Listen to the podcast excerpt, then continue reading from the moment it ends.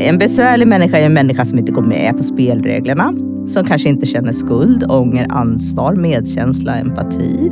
En besvärlig människa är ju en människa som ljuger, bedrar, utnyttjar. Mm. Eh, använder eh, sin egen spelplan för att eh, gagna sig själv. Som hela tiden har fokuset, hur ska det här komma mig till godo? Ja, den här typen har vi nog alla stött på någon gång.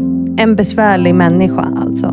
Men hur hanterar man sådana? Hur får man dem att förstå det som de inte förstår?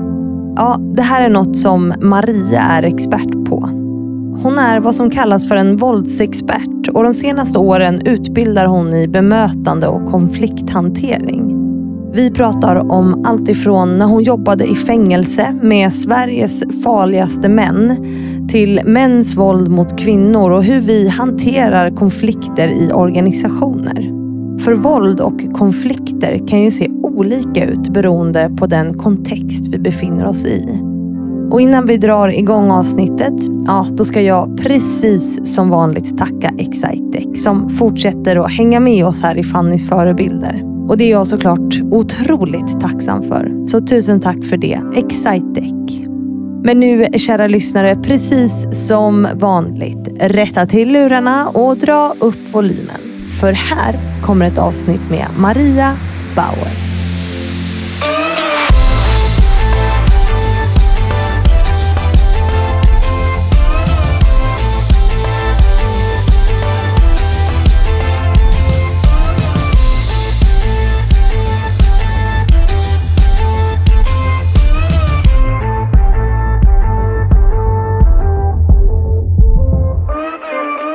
Vi säger hej och varmt välkommen till Maria Bauer. Tack så mycket. Eh, jättekul att ha dig här.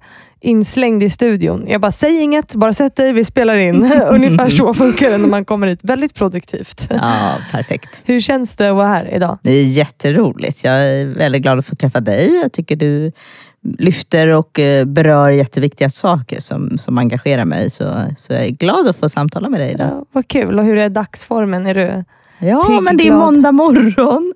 Ja. Sådär, lite fortfarande sommarmod kan jag känna. Sådär, Mm. Lite fortfarande trött. Sådär. Skönt avslappnad, men eh, helt bra. Ja men visst, man vaknade 4 september är det idag va? Och bara, det var typ sommarväder liksom. Det är helt eh, galet, men det är ju skönt. Ja, verkligen skönt. Eh, Men eh, klimatproblem har vi inte. Nej, Eller vad säger? Miljö och sådär. nej. Nej, Eh, jag tror inte det i varje fall. inte idag. precis. Ja. Men jättekul att ha dig här. Eh, och alla gäster som kommer hit, de brukar ju få inleda med att liksom presentera sig själva och vem man är. Så vem är Maria Bauer? Ja, vem är Maria Bauer? Jag är tvåbarnsmor. Jag Mm. har en tioårig pojke och en åttaårig flicka. Jag bor i Sörmland och jag har i 34 år ägnat mig åt människor. Och eh, det- de sista 20 åren särskilt med våldsfrågor kan man säga. Mm. Sådär. Och det är väl kanske också därför som jag liksom, eh, dyker upp på radarn så här för dig och för andra. Men, men jag har egentligen i grunden bara ett jättestort människointresse. Var kommer det ifrån då tror du? Jag vet inte. Jag, jag är ju född in i den här världen hemlös och föräldralös ganska tidigt. Och levde bara några månader med min biologiska mamma och sen så kom jag till ett barnhem. Var det i ibland- Sverige eller? Nej, Nej. i Indien där Mm. jag kommer ifrån. Mm. I Bangalore. Så jag tror ibland att det är sådär att det redan där i barnhemmet och nunnorna och Moder Teresas regi, att det redan där rann ner någonting i min själ om att liksom, jobba med människor. Mm. S- Så brukar jag tänka i varje fall, lite romantiskt om mitt eget liv. Sådär. För hur Så- liten var du när du blev lämnad på barnhem? Ja, tre månader tror jag. Ja. Och eh, så i januari 75 och så kom jag hit till Sverige i mars 76. Mm. För visst hamnade du först hos, eller har jag missförstått det? Du hamnade först hos någon adoptivfamilj och sen fick du Ja. komma tillbaka. Eller har jag, har jag läst det här fel? Nej, men det stämmer. Och min man och jag försökte lista ut. Jag tyckte det var så grymt. Varför, varför adopterar de mig och lämnar tillbaka mig? Det, är som, alltså, här, det, är det lät så här det är mer människa. Det är jättemärkligt. Ja. Det lät så fruktansvärt tyckte jag. Mm. Men så läste min man, som läser mycket noggrannare än mig, papper och sådär. Och så sa han, nej men det är nog så att de försökte träna dig på familjeliv. Att man hade, kanske igen då en lite märklig tanke om att man skulle liksom vänja mig bort från den här institutionsmiljön till en familjemiljö. Men jag tror att det, det vart ju en jättesorg. Jag tror att den svår, svåraste tiden där i, den var säkert när jag fick lämna den här familjen och kom tillbaka till barnhemmet. Hur gammal var du då? Ja, då måste jag ha varit ungefär ett år. Mm. Sådär. Då tror jag att ja, jag känner i, på något sätt instinktivt att det där, det där måste ha varit jättesorgligt. Och det finns foton från mig på det, med den här familjehemspappan. Och, och jag, man ser hur mycket jag tycker om honom. Mm. Hur nära jag är honom. Så jag måste ju ha saknat honom. Ja, såklart. Men det är ju svårt när man är så pass liten. Liksom. Alltså, du har, man har ju liksom inte direkt minnen ifrån Nej. det.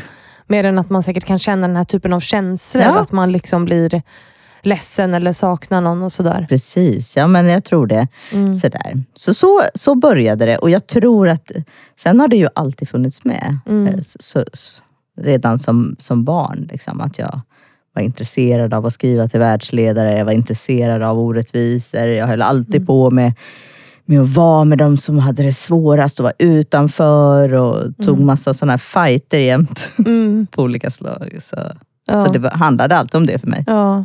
Men när du, du blev tillbakalämnad till barnhemmet, sen blev du adopterad till Sverige? Ja, Eller? Det var precis. liksom det som hände? Så sen kom jag då till Södertälje, där Ja. jag är uppvuxen, till ett eh, par där. Mm. En österrikisk pappa, därav mitt efternamn, och en eh, sörmländsk mamma. Ja. Sådär. Och där, och där hamnade du, där är du uppväxt och liksom har... Hur har det varit för dig att vara adopterad? Liksom, för det där är ju intressant tycker jag. Ja, för mig har det inte varit någonting alls. Alltså Nej. jag, jag har inte riktigt eh, känt så mycket av det där. Jag, jag hamnade i en familj som var väldigt Ja, de bara placerade in mig i Mm. deras liv och i deras släkt. Och jag var väldigt älskad och omtyckt och, och väl mottagen. Så jag har aldrig liksom bekymrat mig så mycket över det där. Och jag har heller inte sökt mina rötter eller funderat så mycket. Jag brukar säga jag vet vem jag är. Mm. Sådär. Så någonting väldigt tryggt och stabilt kom ju trots den där lite skakiga starten Ja. liksom, i mitt liv. Hur, hur gammal var du när du började skriva till massa världsledare och sånt? Och Vad var... Ja, Jag tror jag var sådär nio när jag skrev, nio, tio när jag skrev till P.V. Botha Mm. som, som fanns i Sydafrika då och bad honom ta bort apartheid för jag tyckte det var så fruktansvärt. Och så skrev jag till alla möjliga så här. Ja. väldigt naiva brev på väldigt knackig engelska. Men det var ändå den där eh, tanken om att världen måste bli bättre. Mm. Och det tror du kommer ifrån att du var på barnhem? Liksom, att du... Ja, jag Ja. tror det. Jag, Ja. jag ser inte riktigt varför jag skulle liksom ha brytt mig så mycket om det här annars. Nej. Och mina föräldrar var inte alls, eh, liksom, arbetade inte alls med sociala frågor och, och sådär. Hur är din upplevelse av att liksom komma ifrån ett annat land och liksom vara uppväxt i Sverige? Och så, har det påverkat dig någonting i de frågorna? Ja, men det är så intressant, för de första åren inte alls. Men Nej. sen så flyttade vi när jag var nio år och då kom jag till en annan del av Södertälje där det hade börjat då eh, komma väldigt många människor från delar av Mellanöstern och sådär. Det börjat med en viss invandring då i Södertälje kan man säga. Och då blev jag eh, som jag uppfattade det då, ihopslagen med dem. Och, Mm. och, och, läraren kunde komma till, kommentera och säga så här, men oj vad du pratar bra svenska Maria och vad, vad duktig du är och sådär. Mm. Och jag blev jätteirriterad och jättestörd över det där. Mm. Jag förstod liksom inte vad de höll på med. Så, så då, då för första gången kände jag kanske att jag hade ett annat ursprung, att, hur det kändes och att jag blev bedömd från hur jag såg ut. Mm. Innan tror jag mina kompisar inte tänkte på det. Jag, jag var ju med, jag fanns ju alltid med. Liksom. Mm. Du Sådär. fanns alltid med i ett sammanhang. Och... Och det där kan jag ju ibland, någon gång ibland, känna fortfarande att jag liksom jag brukar bli lite irriterad om jag kommer in i en affär och så blir jag inte särskilt vänligt bemött. Och så kommer min man, som är värmlänning, Ja. och så, och så blir vi bemötta på ett helt annat sätt helt plötsligt. mm. Och då kan jag bli jättestörd. Ja. och irriterad över det. För då känner jag att jag vill inte ha min status ifrån honom. Jag vill inte ha mitt människovärde eller Nej. eh, att människor ska se mig respektfullt utifrån från honom. Nej, hur kan det te sig ungefär? Alltså, vad... Nej, men man, man inte ser, du vet man, Mm. man märker att folk har märkt att man är där men de ignorerar en eller de är väldigt kort Mm. korta i tonen och, ja, och, och ibland nedlåtande på ett sätt som, som, Mm. som tyvärr ganska många kvinnor med mörkare hy eller med olika typer av klädattribut som inte är vanliga i vår kulturkontext blir bemötta på det Mm. sättet. Mm. Hur hanterar du det? Alltså, ibland kan jag ju sätta ord på det. Ibland kan jag liksom bli lite skarp i tonen och, liksom, Mm. och ibland kan jag, kan jag bli ledsen fortfarande. Känna, mig lite, känna mig mindre värd. Trots att jag inte är det och trots att jag snart är 50 år gammal så kan jag ändå känna hur den här eh, rasismen tar. Den tar liksom på ett sätt som är svårt att beskriva. För den, den går ju bortom allting som man kan påverka. Man kan ju inte göra någonting åt hur man, hur man ser ut. Eller var någonstans man är född. Nej. Och det, och det där att, att bli bedömd utifrån att inte kunna påverka sin situation är, tycker jag är jätteont. Det är Ja. jobbigt. Ja, det är jättesvårt att hantera. Så som du säger, man kan inte göra någonting åt det Nej. överhuvudtaget. Hur hanterar din man det där då, när det händer? Nej, men han blir ju arg. Han blir Mm. arg jätte, om, om det skulle ja, hända någon utav oss. Mm. Och han, eh, vi har ju två barn tillsammans och jag minns en gång att han bar våran pojke i famnen. Han var nyfödd, bara Mm. några månader gammal. Och så bar han honom i famnen och så, och så var han inne i någon butik eller någonting sånt där. Och så, ble, så, och så var det någon som pekade och sa, vad är det där för något du har i famnen? Vad är det för äckligt eller för fult? Mm.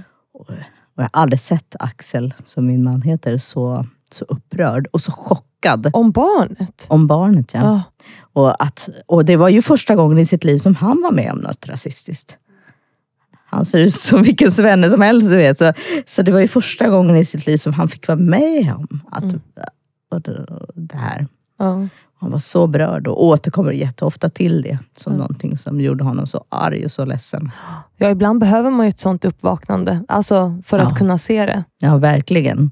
Sådär. Och, det, och han får fortfarande ibland vara med om det då, när han är med barnen eller mig någonstans. Ja. Sådär. Mm, Intressant. Men du, så, så, så när du är uppväxt i Södertälje, då, nu går vi tillbaka till din story. Det här är Mm. Fannys förebild, där vi hamnar på lite olika spår, men jag ska, mitt jobb är ju att ta oss tillbaka till spåret, så att säga. Det verkliga spåret från kroksvängarna som vi hamnar på. Eh, men du är uppväxt i Södertälje då, men sen så blev det liksom beteendevetare och... Ja. Eller hur, liksom, hur ser resan ut därifrån? Alltså jag jag behövde ett sommarjobb och så klev jag in på ett servicehus som låg ganska nära där vi bodde. Mm. Och hade liksom ingen aning. Sådär. Men jag frågade om jag skulle kunna få sommarjobb och de tittade ju skeptiskt. Du såg ju att jag inte är särskilt lång så de tittade skeptiskt och undrade, ska hon kunna klara det här ganska tunga arbetet med liksom pensionärer som var burna av rullstolar och sådär och så skulle hjälpas och förflyttas och duschas och så. Men jag, jag fick det där sommarjobbet och blev helt förälskad. Okej. Jag blev så tagen av hjälparbetet. Så berörd utav att, vad, vad stort det var att få hjälpa en annan människa. Så det var ju det som gjorde att jag blev kvar där i alla år och fortfarande är, kan man säga. Du är Så, kvar inom den, alltså, men du jobbar inte med pensionärer nu, men, men blev du kvar inom det liksom, serviceyrket, att jobba som... ja, men jag blev kvar i den känslan av att bistå. Nu gör jag ju det som föreläsare och utbildare och, och sådär. Men, men jag blev kvar i det där att vad fint det är att få hjälpa människor. Vad stort det är att få förtroendet att hjälpa en annan människa. Mm. Sådär. Så det, det började så i omsorg och psykiatri och sen blev det kriminalvård. Och då började jag också läsa till beteendevetare. Mm. Och sen kom jag ju till Hall, och, som är en anstalt utanför Södertälje. Och där, där blev jag särskilt liksom, rekryterad för att jobba med Sveriges farligaste män. Mm. Och då, då kan man säga, jag tog ju hela det här vålds och aggression och det, Ja. hela det. Hur hamnade, för det här är- det ska vi prata om, det är superintressant. Jag har skrivit upp att jobba med Sveriges farligaste män. Liksom.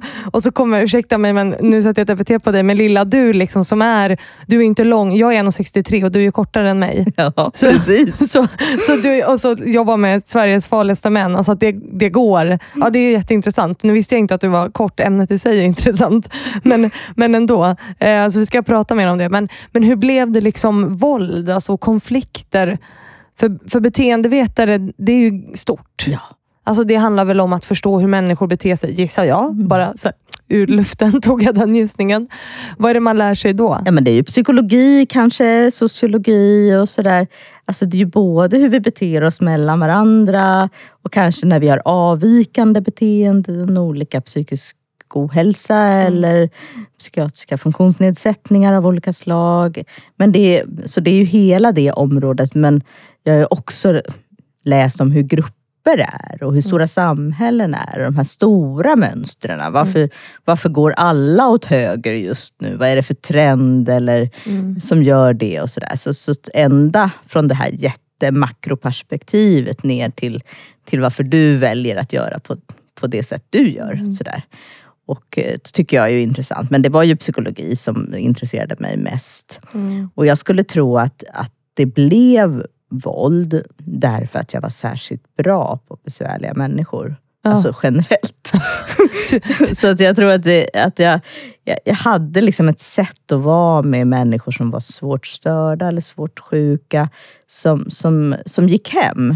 Och då kunde jag liksom flytta fram det där hela tiden mot ja, men farliga, och besvärliga och våldsamma personer också. Sådär. Vad, är en, vad är en besvärlig människa? Liksom? Ja, men det, det låter ju knasigt att jag uttrycker mig så. Men, men... Nej, nej, det tycker jag inte. Men jag tycker att det, det, det är väl en bra beskrivning, men liksom, vad definierar ja. en besvärlig? Men det är ju vi som definierar en besvärlig. En besvärlig mm. människa är en människa som inte går med på spelreglerna. Mm. Som kanske inte känner skuld, ånger, ansvar, medkänsla, empati. Mm. En besvärlig människa är ju en människa som ljuger, bedrar, utnyttjar, mm. eh, använder sin egen spelplan för att eh, gagna sig själv. Som mm. hela tiden har fokuset, hur ska det här komma mig till godo? Mm. Och det är ju en människa som i vårt samhälle är väldigt omoralisk mm. och oetisk. Och som Men ganska vanligt tycker jag, det du ja. beskriver nu. Eller i alla fall det sista där, man ja. nyttjar sina egna, liksom, sin egen plattform för att ta sig fram själv. Alltså det är ju väldigt vanligt. Ja, jag. precis. Men det här är ju kanske också människor som lite går över gränsen. Mm. Alltså sårar och kränker och liksom lurar över over the top. Sådär. Mm. Annars har vi ju ett ganska egocentrerat samhälle mm. generellt just ja. nu. Sådär, med många som, som liksom ser sig själv som ett varumärke mm. snarare än en människa. Men, men jag skulle säga att, att och det där tror jag att jag liksom begrep mig på och kunde bemöta ganska bra. Så då, då blev det nog ganska naturligt att jag kom närmare och närmare våld. Mm. På vilket sätt hanterar du det då? Alltså vad, alltså vad, vad är det som gör dig framgångsrik i att hantera besvärliga människor? Har du reflekterat över det? Jag tror att, att jag tidigt förstod vad de inte förstod. Mm. Att, att det är så här, man kan ju bli förbannad på någon som ljuger eller bedrar eller utnyttjar eller eh, ja, beter sig våldsamt eller hotfullt för att få för egen vinnings skull. Mm. Eller så kan man ju försöka förstå vad mm. den personen inte förstår. Mm. Och att den inte förstår eller har nyanser som gör att den beter sig på det här sättet. Och det, det tror jag att jag var ganska skicklig på att förstå. Mm. Att Ja, men om man inte känner skuld och ansvar och ånger, då kommer man ju inte heller regleras av det i, i mötet med andra människor. Vi andra känner ju skuld hela tiden. Oj, oj, jag kanske sa för mycket eller jag kanske gjorde si eller så. Du kanske blir ledsen. Mm. Vi tänker jättemycket på hur andra människor reagerar, men om man inte kan det, då är det klart att inte det styr heller hur man kommer att agera. Och det här tror jag har varit en av de sakerna jag förstod tidigt och och jobbade med tidigt och hjälpte många medarbetare och professionella att förstå i mötet med de här personerna. Mm. Vad säger du då? Hur gör du? Alltså, det är superintressant. Ja, nej men jag, jag, brukar ibland ta det här exemplet med om någon är synskadad eller blind. För mm. om det kommer in någon här i rummet till dig och mig och så, så ser den inte. Nej. Så är det ju helt naturligt att du försöker hjälpa hjälpa den utifrån sin funktionsnedsättning och att du förstår funktionsnedsättningen. Oj, ja, men jag kan hjälpa dig fram här och mm. vart du ska sitta någonstans. Och så, och så bistår du på ett sätt som är väldigt empatiskt utifrån att du förstår vad den här personen inte kan mm. och vad den behöver stöd med. Mm. Men när vi träffar människor med psykiatriska diagnoser, det behöver ju inte bara vara personer som har narcissistiska eller psykopatiska drag, utan människor som har andra psykiatriska diagnoser, så behöver vi också förstå vad det är de inte kan. Mm. Vad funktionsnedsättningen gör. Mm. Så det är det jag försöker förklara. Jag försöker säga, om du inte känner skuld, då kanske du inte kommer att agera på det sättet som är, som är accepterat. Mm. Utan då kommer du agera på andra sätt. Då kommer du se till att du själv får fördelar. Du tar hela tårtan och lämnar en liten strimma till resten. Ja, för att du, du känner inte att du behöver dela med dig. Du, Nej. sådär. Så, så jag försöker jämföra det på det sättet med, med andra funktionsnedsättningar för att man ska förstå. Sådär. Men, men kan man få då en människa som inte känner skuld att börja göra det? Liksom? Ja, det där är ju en jättekomplex fråga tycker jag. Ja. Jättesvår. Men, men, men jag tror att man ibland kan det Mm. genom träning, genom att öva på att förstå att andra människor har också en inre värld Mm. med andra känslor och behov än min, mina. Mm. Det vill säga, jag är inte huvudpersonen i andra människors liv. Ja, men må vara det i mitt eget liv. Och jag måste ta hänsyn. Om jag ska bli en bra förälder till exempel, så måste jag ta hänsyn till barnets behov. Mm. Och, och, och sådär. Så en del kan ju kanske känslomässigt utvecklas genom stöd och på olika sätt. Och en del kan lära sig det rent kognitivt. De, de, kan liksom först, de kan förstå det.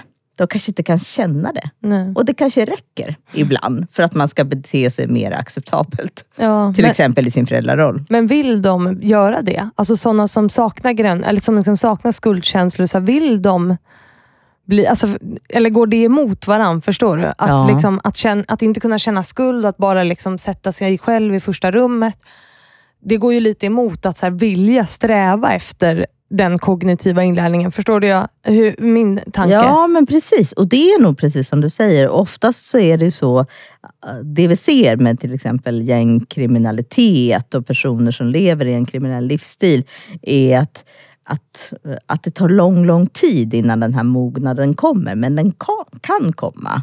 Sådär kanske när man närmar sig 30 eller så. Så börjar man tröttna på den här väldigt kortsiktiga och eh, parasiterande livsstilen när man utnyttjar och, och bara gör allting. Och så vill man ha något annat. Man kanske vill ha en familj, man vill ha en flickvän, man vill ha ett sammanhang. Man vill, och då, då måste man ju sätta andra saker först. Om man ska få det måste man ju placera andra saker först. Mm. Och då, då lär man sig att ja, men om jag ska behålla en relation, då måste jag vara ömsesidig och kärleksfull och uppmärksam mot, en an, mot partners behov. Annars kommer jag inte ha en relation särskilt länge. Nej. Eh, Och, och ska jag skaffa barn ännu mer och ännu viktigare. Mm. Så, så en del kan liksom över tid utveckla den här motivationen Mm och en del inte alls. En, en del kommer aldrig lära sig det eller förstå det. Om vi då ska göra ett, ett jämställdhetsperspektiv på det här på något sätt. För den här podden handlar ju väldigt mycket om jämställdhet.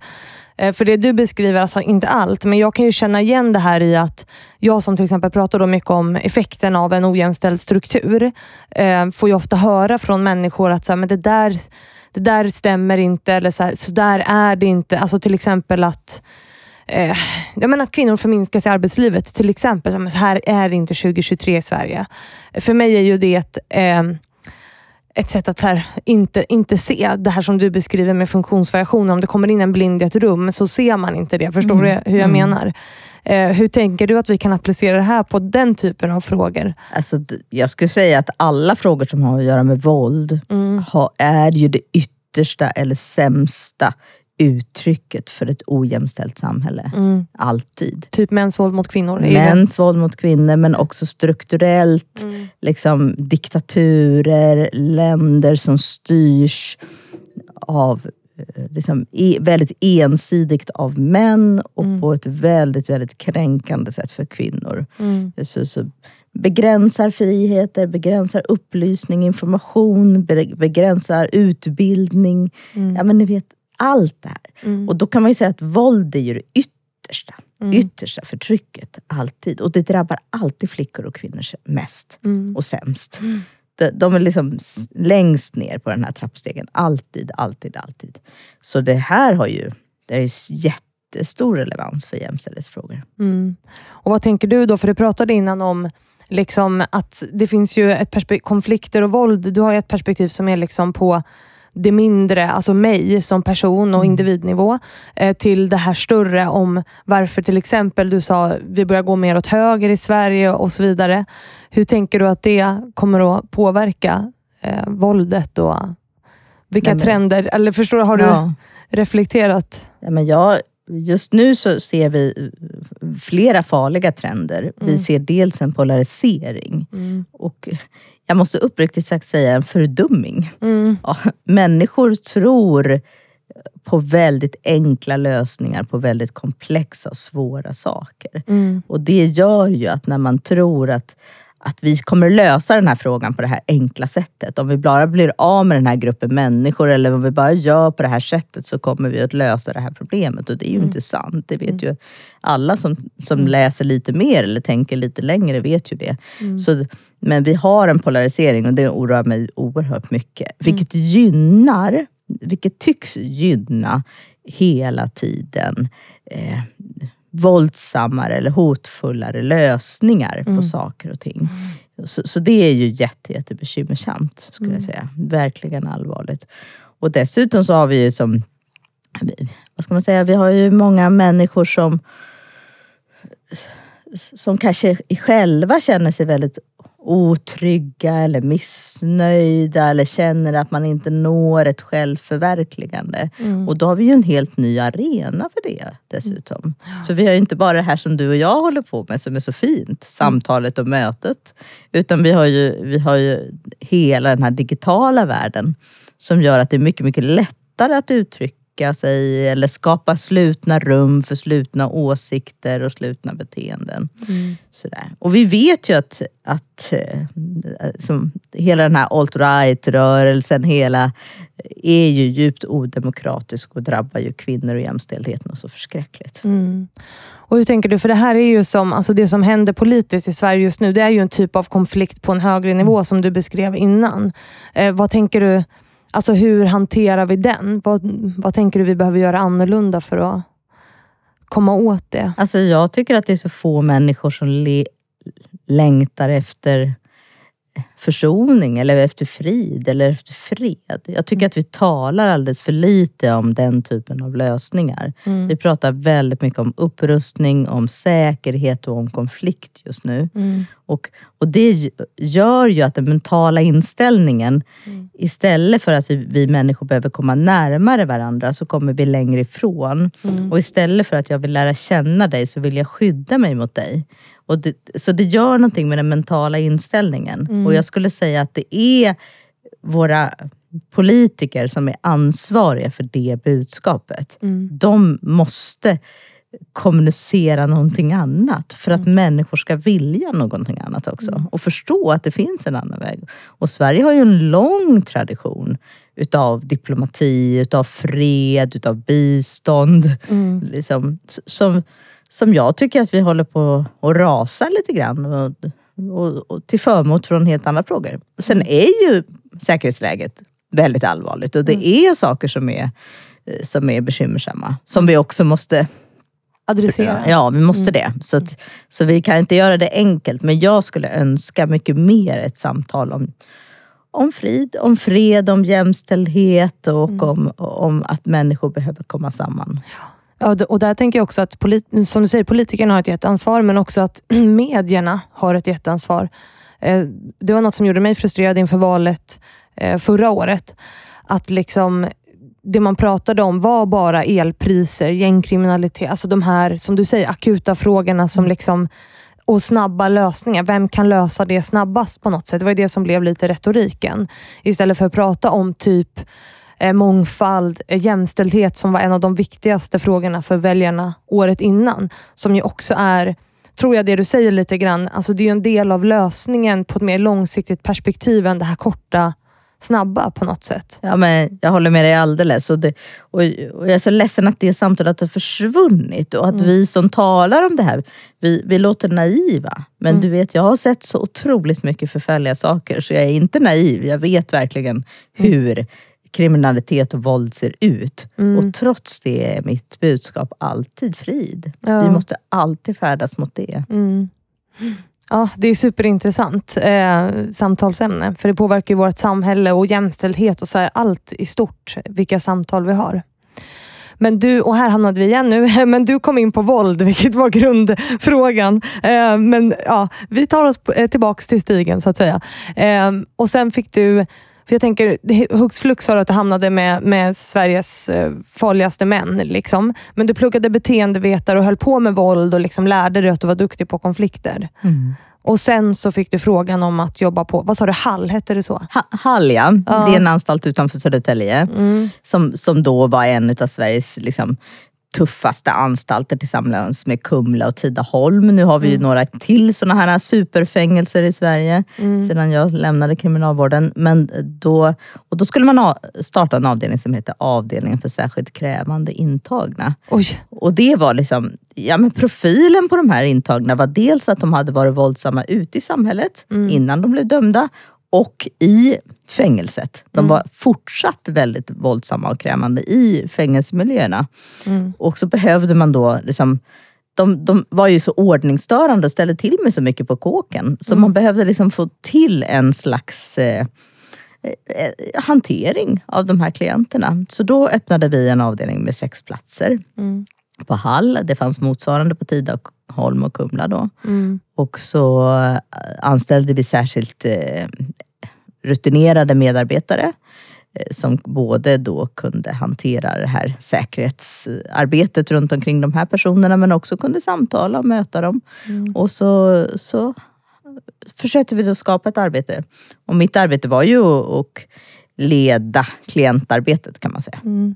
Och vad, alltså, jag har så många frågor. Eh, liksom, för jobb, jobbet var då att liksom utreda varför de var våldsamma, eller liksom, vad var liksom uppdrag? Eller att vårda dem, att få dem att bli bättre. Vad var liksom syftet med den här avdelningen? Ja, men kriminalvårdens övergripande liksom, syfte är ju dels att hålla samhället säkert, det Ja. vill säga att förvara de här personerna Mm. eh, och verkställa deras straff, men också försöka påverka dem under tiden. Så det är ju det man gör, man försöker påverka dem under tiden på olika sätt. Och, och då, eh, det här var ju personer som hade mördat eller personer som var extremt, extremt farliga. Som var, en del av dem var gängkriminella. De hade lång, lång, lång bakgrund i våld. De flesta av dem var ju också uppvuxna i våldsamma och väldigt krävande miljöer. Och många av dem hade ju ett kraftfullt myndighetshat. Så att, att de överhuvudtaget skulle tilltala oss eller prata med oss fanns ju inte på kartan. Nej. Utan de,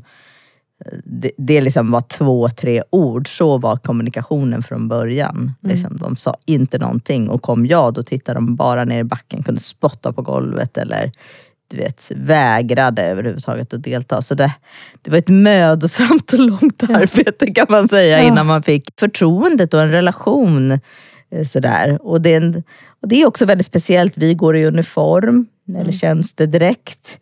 Eh, vi representerar någonting som, som, som de begränsar hatar. dem och som Ja. de hatar förstås. Mm.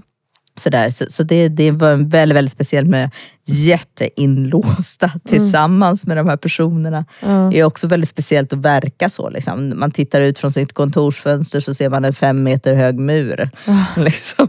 Och, och det är en bra påminnelse för att var man är någonstans och hur det är för de som lever där Mm. och verkställer kanske 20-åriga straff som livstid brukar hamna runt omkring. Ja. Och hur börjar man då? Med någon som spottar på en och säger tre ord? Alltså vad? Nej, men det, till en början så var det ju bara att försöka liksom, få dem att komma. Och många av dem vill ju komma ut en stund från sitt bostadsrum, från sin cell. Mm. Så då kunde man ju liksom kanske träna en stund eller eh, spela tv-spel en stund, göra någonting tillsammans.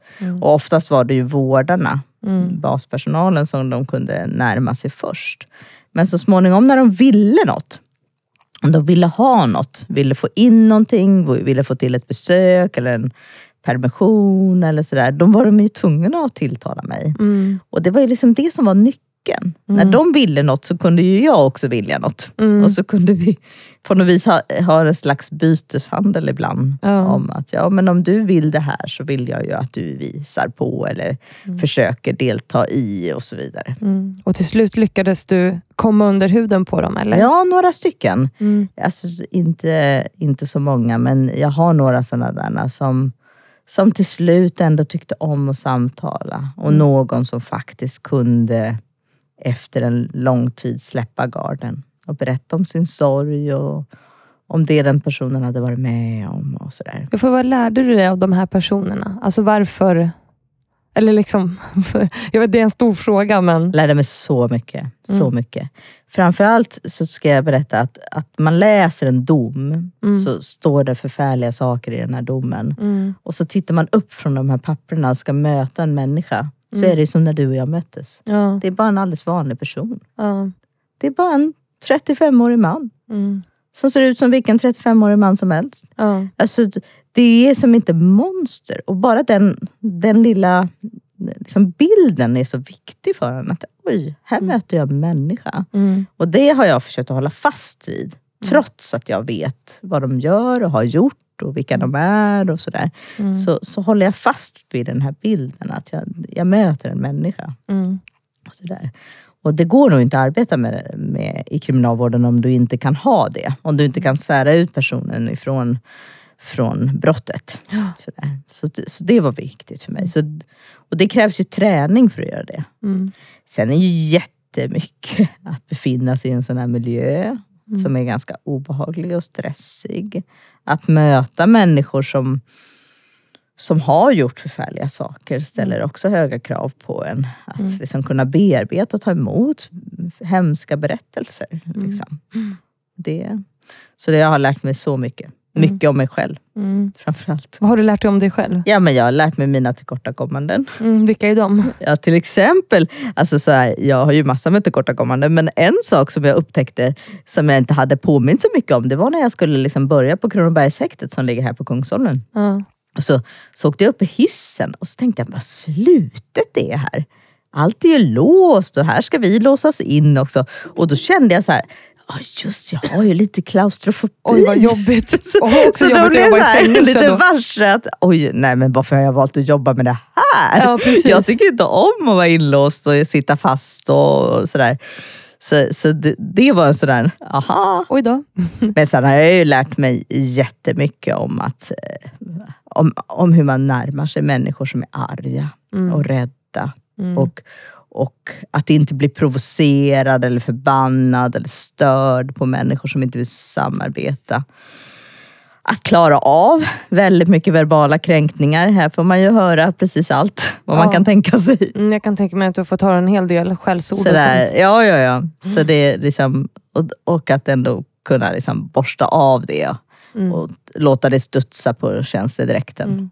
Liksom. En fråga som jag har som uppföljning på det här, Sveriges farligaste män. Eh, hur tänker du att så här, manlighetsnormen påverkar de här Sveriges farligaste män? Nej men det är ju, det, de är ju med och skapar den här manlighetsnormen tycker jag. Och det, Ja. och det kan ju jag störa mig ibland på om vi ska komma tillbaka till media. Ja. Att medias sätt att intervjua människor som har begått brott kan ibland vara helt absurt. Mm. Där, man, där man pekar på olika sakers machodrag som, som någonting som är häftigt, som en livsstil som är cool. Mm. Och, det, och det är väldigt sorgligt. Därför att det här är ju personer som är trasiga, personer som är fattiga, personer som är rädda och lever i utanförskap och som liksom har hamnat helt på sidan av samhället. Mm. Och då kan det inte vara en norm för någonting, men ibland kan de trots allt bli det. Mm.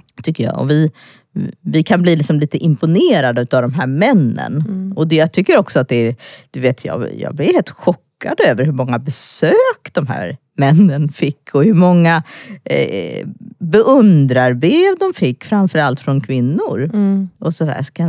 Och ibland när jag skulle gå ner och hämta något besök så kunde jag bara tänka så här, men snälla, vad gör du här? Va, varför är du intresserad av att besöka en man som har mördat två personer och sitter på en sån här anstalt? Varför ska, vad är det som gör att vi, eh, en del av oss kvinnor, också lockas in i det här?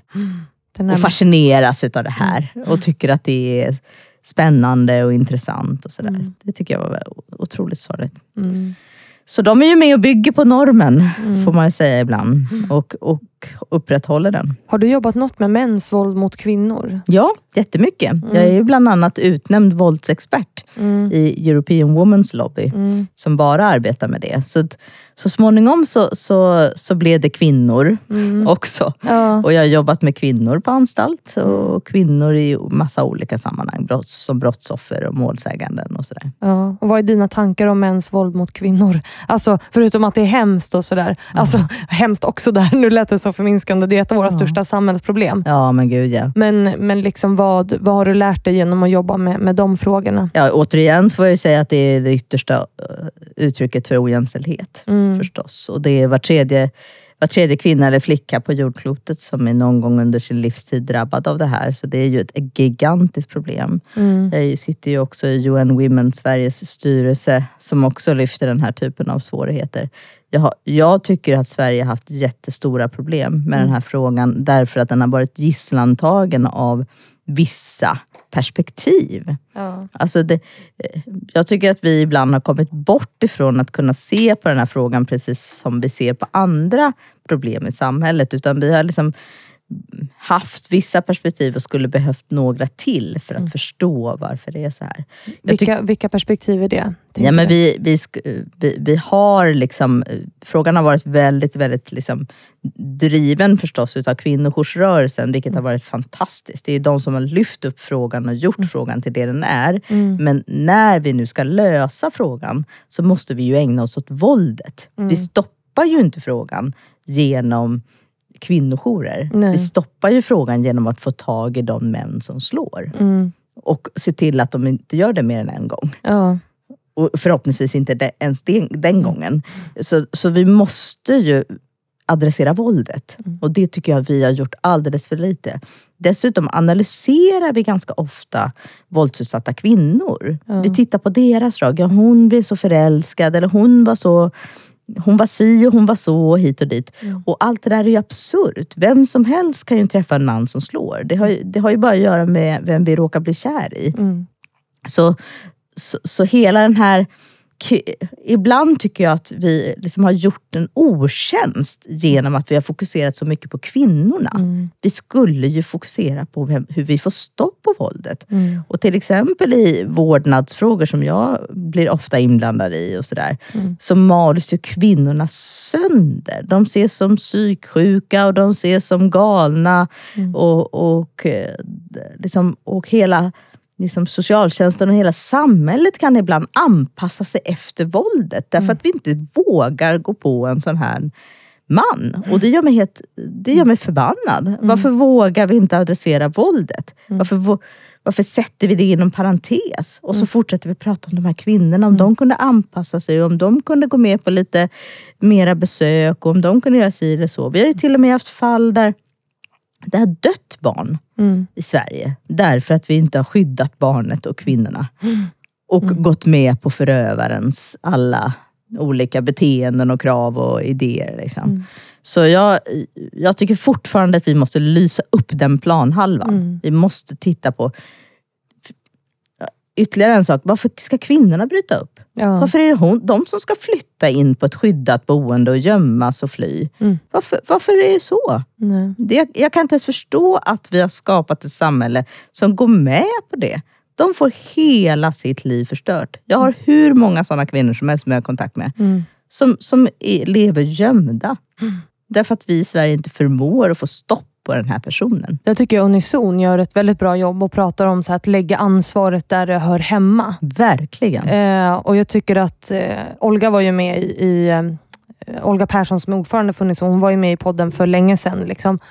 Och, och Det här att liksom ändra ordet våld i nära relationer eh, till mäns våld mot kvinnor, som ju är ganska unikt för Sverige vad jag har förstått. Eh, för att i andra engelsktalande, engelsktalande länder så heter det ju domestic violence till exempel. Alltså att, men att vi säger mäns våld mot kvinnor är ju också att adressera problemet och förövaren och liksom där ansvaret hör hemma på något sätt. Absolut. Tänker jag. Absolut. Det är och det, vi måste tala om saker så som de är. Mm. Och vi måste göra insatser som, som på riktigt stoppar det här. Vi Mm. måste skapa det. Och det, där har ju till exempel Karin Götblad också gjort ett fantastiskt arbete Mm. med att försöka liksom, ringa in det här problemet. Ja. Ja, det är superviktigt. Då har du jobbat med mäns våld mot kvinnor. Du har, nu har du varit på anstalten och så vidare och jobbat med Sveriges farligaste män. Och Sen har du startat Framvik. Är det 20, hur länge sedan är det? Ja, men eh, innan vi kommer till Framvik så tror jag att vi måste prata om när jag lämnade kriminalvården. Ja. Då hade jag undervisat på Polishögskolan på kriminalvårdens utbildning och 2006 bestämde jag mig för att lämna och då startade jag ett annat företag mm. som jag har hållit på med mycket längre än Framvik. Mm. Så därför så, så tänker jag att vi behöver Berätta. säga någonting ja, om det ja, först. Gör det, gör det. så då startade jag Maria Bauer AB och eh, som, som handledare. Jag åkte ut i olika personalgrupper och handledde runt frågor som de mötte i sitt arbete. Mm. Socialtjänsten, kriminalvården, polisen och sådär. Och sen så föreläste jag. Och det var, kan, det var ju där som jag egentligen också blev eh, känd eller erkänd i de här områdena. Det var där jag gjorde mitt eget, liksom, mm. Eh, vad ska man säga, ja, men mitt, mitt eget eh, lilla domän runt omkring de här frågorna. Mitt sätt att kommunicera, mitt sätt att skriva. Det var där jag började också arbeta med sociala medier och jag skriver ju varje dag mm. som många, många människor läser och sådär. Mm. Så, så så där började det. Och jag släppte statens trygga kaka och blev min mm. egen och ja. försökte. Och nu har jag ju sedan dess utbildat ungefär 200 000 personer. Ja jäklar. Så det, det, är ganska många. Mm. I konflikthantering? Ja, liksom. bemötande av våld framför allt. Mm. Ja bemötande av våld alltså i jobbet? Liksom. Både på jobbet men också i våld i nära relation eller mäns våld mot kvinnor eller eh, alltså andra typer av våld, sexuella mm. övergrepp och sådär. Men också angränsande frågor som psykisk ohälsa, beroendesjukdomar och liknande. Mm. Sådär, så jag har utbildat i många, många områden. Mm. Men sen blev det alltså konflikt, ja, våld och så, men våld är ju en del av konflikten. Men sen ja. finns det ju konflikter på, för det här är också en fråga från min sponsor Excitec. Alltså vad, liksom, hur definierar vi en konflikt? För det finns ju mycket som som liksom kan involvera eller liksom inkluderas i det. Ja, och när man kommer ut på arbetsplatser så är det ju många fler saker. Det är mm. liksom konflikter mellan olika grupper grupper eller liksom mobbing. Eller, mm. Men det, en konflikt handlar ju egentligen om att vi har olika mål. Mm. Vi har, vi, du har ett mål med vad du vill och jag har ett annat mål och så möts vi inte där. Nej. Och då uppstår det någonting mellan dig och mig, som, mm. eller grupper, mm. som gör att vi krockar. Och det här kan ju vara värderingar eller sätt att se på samhället, kultur, mm. eller det kan vara missförstånd, mm. att vi inte förstår varandra, hur vi färdas framåt och sådär. Så, så konflikter kan ju vara jättestort och det kan ju vara länder emellan mm. på något sätt. Mm. Så, det är ju ett gigantiskt område. Ja, såklart. Men på en arbetsplats så handlar det oftast om att man har olika mål, att det liksom uppstår någon typ av gnissel, att man inte vill åt samma håll. Ja, men jag brukar prata om det som kallas för pliktetik, det vill säga att vi måste vara överens om mm. eh, den här, det här har vi som våra spelregler tillsammans på det här sjukhuset eller på den här arbetsplatsen. Mm. Och Om det då finns någon som inte gör sina uppgifter eller inte riktigt är överens med det där eller inte fattar vad den ska göra, då uppstår det ju alltid någonting. Mm. Det, är, det, är ju som att leva ihop med någon. Mm. Om vi har så här, så här gör vi i vårt kylskåp mm. och så är det någon som inte gör riktigt så, så låter smörpaketet stå framme och sådär. Så blir det en liten konflikt hemma och det är liksom samma, samma sak. Mm. Det är sådär. Så, så i grunden handlar det ju om ganska vardagliga saker som kan eskalera till väldigt, väldigt farliga situationer. För om den där dörren alltid ska vara låst, och så fyra i medarbetargruppen låser alltid den dörren, men den mm. femte låser inte. Nej. Så det är klart att det kan bli en väldigt allvarlig situation. Men hur visar det sig oftast då på en arbetsplats? För Jag tänker att oftast så är det ju kanske inte att man slår varandra. Alltså det händer väl säkert. Nej, men, men det blir ju den här typen av klienter som vi pratar om då, mm. som har kanske ett litet våldskapital eller konfliktbenägna rättshaverister eller sådär. De hittar hittar ju ofta de här mellanrummen i medarbetargruppen. Mm. Så de ser att jaha, Kalle, Lisa och Pelle de gör på det här sättet men Olle han gör sådär. Mm. Så jag kanske kan liksom stoppa in en kil här emellan de här. Mm. Och så kan jag fråga Olle om någonting för han kommer alltid säga ja. Han är schyssta killen. Liksom. Han, är, han är schyssta fritidsledaren på skolan. Eller ni vet, sådär. Mm. Så jag kan, och då uppstår det ju en konflikt där. Mm. Och den, den kan ju så småningom, och det brukar ju inte bli farligt när man säger ja, nej. men om man till slut säger nej. som Olle jämt säger ja, men sen kommer Lisa på jobbet och säger nej. Vad händer då? Ja, då blir det ju en konflikt. Ja. Och är det då en person som har ett visst eh, kapital till att vara aggressiv och utmanande så kan det ju bli en hotfull situation. Hur hanterar man det då som arbetsgivare? Om man har den här typen av konflikt, alltså innan den blir våldsam, tänker jag. För det tänker jag att det är det som de flesta kan känna igen sig i, som lyssnar.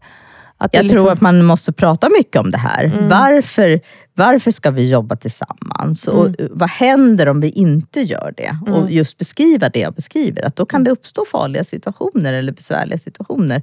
Och oftast skjuter man ju konflikten vidare. Jag brukar säga att man skjuter skiten vidare. Ja. Det vill säga, man, den schyssta personen, den som alltid säger ja och alltid är tillmötesgående, den kanske skjuter konflikten till till den här tråkiga personen som följer reglerna och som följer överenskommelserna. Det är så precis som med föräldrar.